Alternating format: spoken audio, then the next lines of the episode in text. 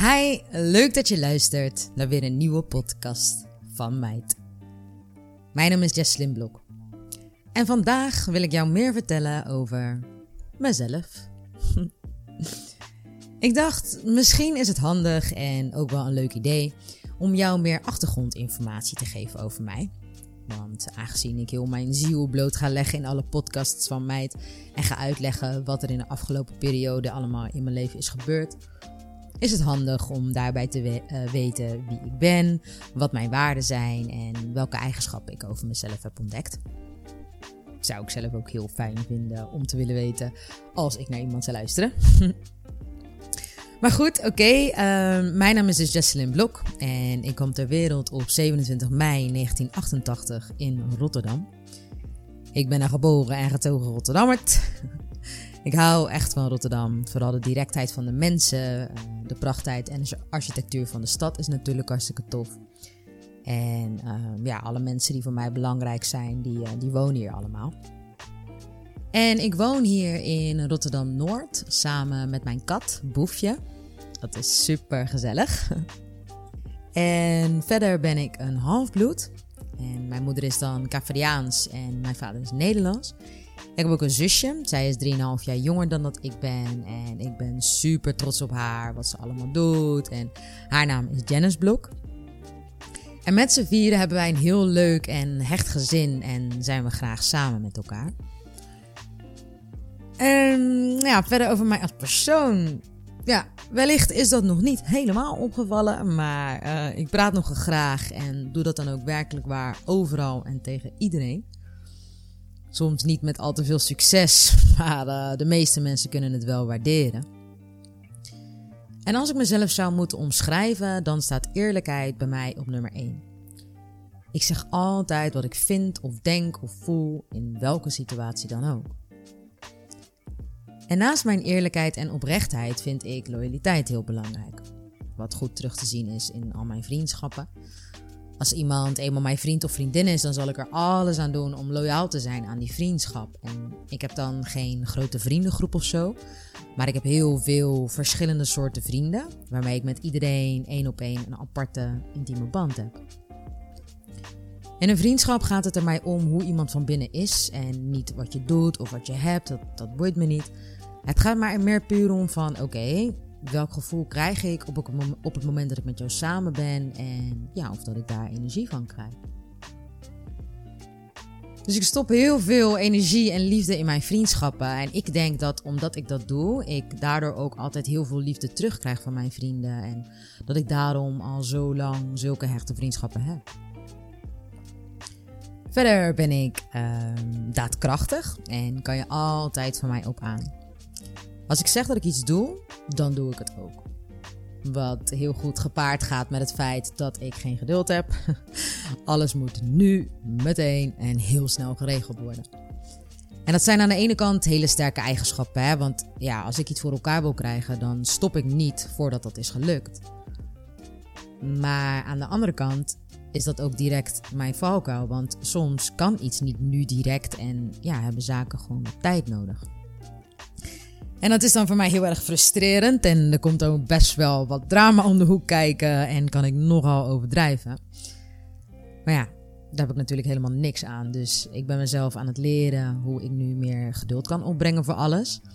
En ben ik op dit moment heel erg in ontwikkeling. Uh, daarvoor wat ja, niet zonder slag of stoot verloopt, kan ik je vertellen. Want ja, jezelf een nieuwe gewoonte aanleren is gewoon super moeilijk. Maar goed, daar kom ik even in een andere podcast op terug. Het is heel lastig om mezelf compleet te omschrijven, omdat ik heel veel verschillende soorten eigenschappen heb.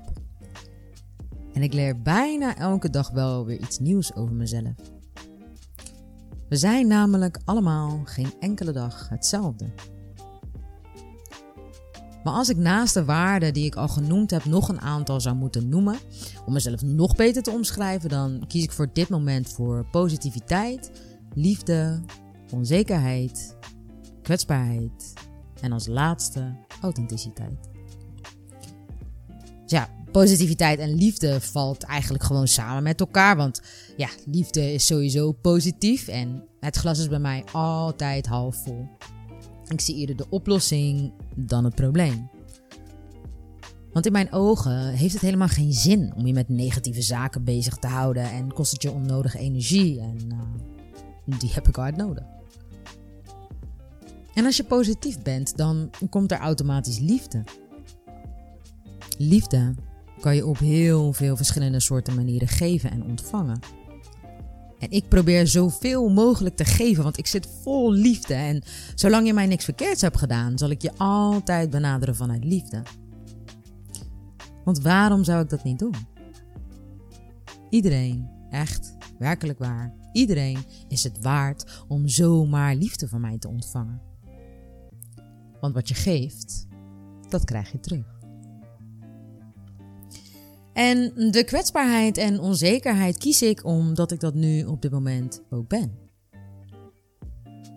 Ik ben er nu namelijk achter gekomen dat ik, en ook jij, uit heel veel verschillende soorten delen bestaan en, en dat je eigenlijk niet in woorden bent te omschrijven. Voor die burn-out leunde ik op daadkracht en doorzettingsvermogen en dacht ik vooral met mijn hoofd en zette ik mijn grote mond op als er iets gebeurde, want ja, ik moest mijn kleine hartje beschermen. Maar ik was niet eerlijk naar mezelf en vertelde mezelf dat ik een onbreekbare, zelfverzekerde baaslady ben. En er is ook een deel van mij dat dat zeker is, maar je bent nooit maar één plaatje. En ik was een pad opgegaan om een plaatje in stand te houden dat ik voor mezelf had gecreëerd en vertelde mezelf dat ik niet onzeker was of kwetsbaar. Ik leefde echt met zo'n houding van, nou, mij kan niks gebeuren, kom maar op, weet je wel wie de fuck ik ben. en op die manier leefde, in, leefde ik in een richting die eigenlijk helemaal niet echt was, want ik liet alle andere delen voor wat het was. Die negeerde ik gewoon. Maar dat, dat kan helemaal niet. Je kan niet allemaal delen van jezelf negeren. Je bent heel veel. En wat mij onzeker en kwetsbaar maakt, is dat ik mezelf eigenlijk helemaal niet zo goed kende als dat ik dacht. En het was heel raar om erachter te komen dat wat ik mezelf wijs maakte niet altijd de waarheid is. Gelukkig zit ik nu voor mijn gevoel op het juiste pad en leer ik mezelf steeds beter kennen op mijn eigen manier. Daarmee komen we direct uit bij authenticiteit, want dat is de kern van waaruit ik wil leven. Want als ik volgens mijn authentieke zelf leef, verloopt alles heel erg gemakkelijk. En dat is ook wel logisch. Kijk, als je aan twintig vrouwen een pen en een papier geeft en vraagt of dat ze allemaal een bloem willen tekenen, krijg je twintig verschillende soorten bloemen. En dat komt omdat jij en ik allebei uniek en authentiek zijn. Je hebt een hele bijzondere mind en een eigen kijk op de wereld. En ergens in jou zitten een aantal bijzondere eigenschappen die niemand anders heeft, alleen jij. En die eigenschappen, die kan ook alleen jij ontdekken. Jij bent zelf je eigen allergrootste informatiebron. Alle antwoorden die je over jezelf zoekt, die zitten allemaal al in jou. Je bent zelf verantwoordelijk voor je eigen geluk en alles wat je nodig hebt om gelukkig te zijn, dat ben je al. En je hebt 24 uur de tijd om jezelf te leren kennen. Het enige wat je hoeft te doen is van je eigen authenticiteit een prioriteit maken en aandacht geven aan jezelf om jezelf echt te leren kennen. En dat is geen gemakkelijk proces. En er komen eerst dingen naar boven die je liever niet wilt zien. En dat is best wel heel erg lastig. Maar geloof me, uit de grond van mijn hart, het is echt de moeite waard.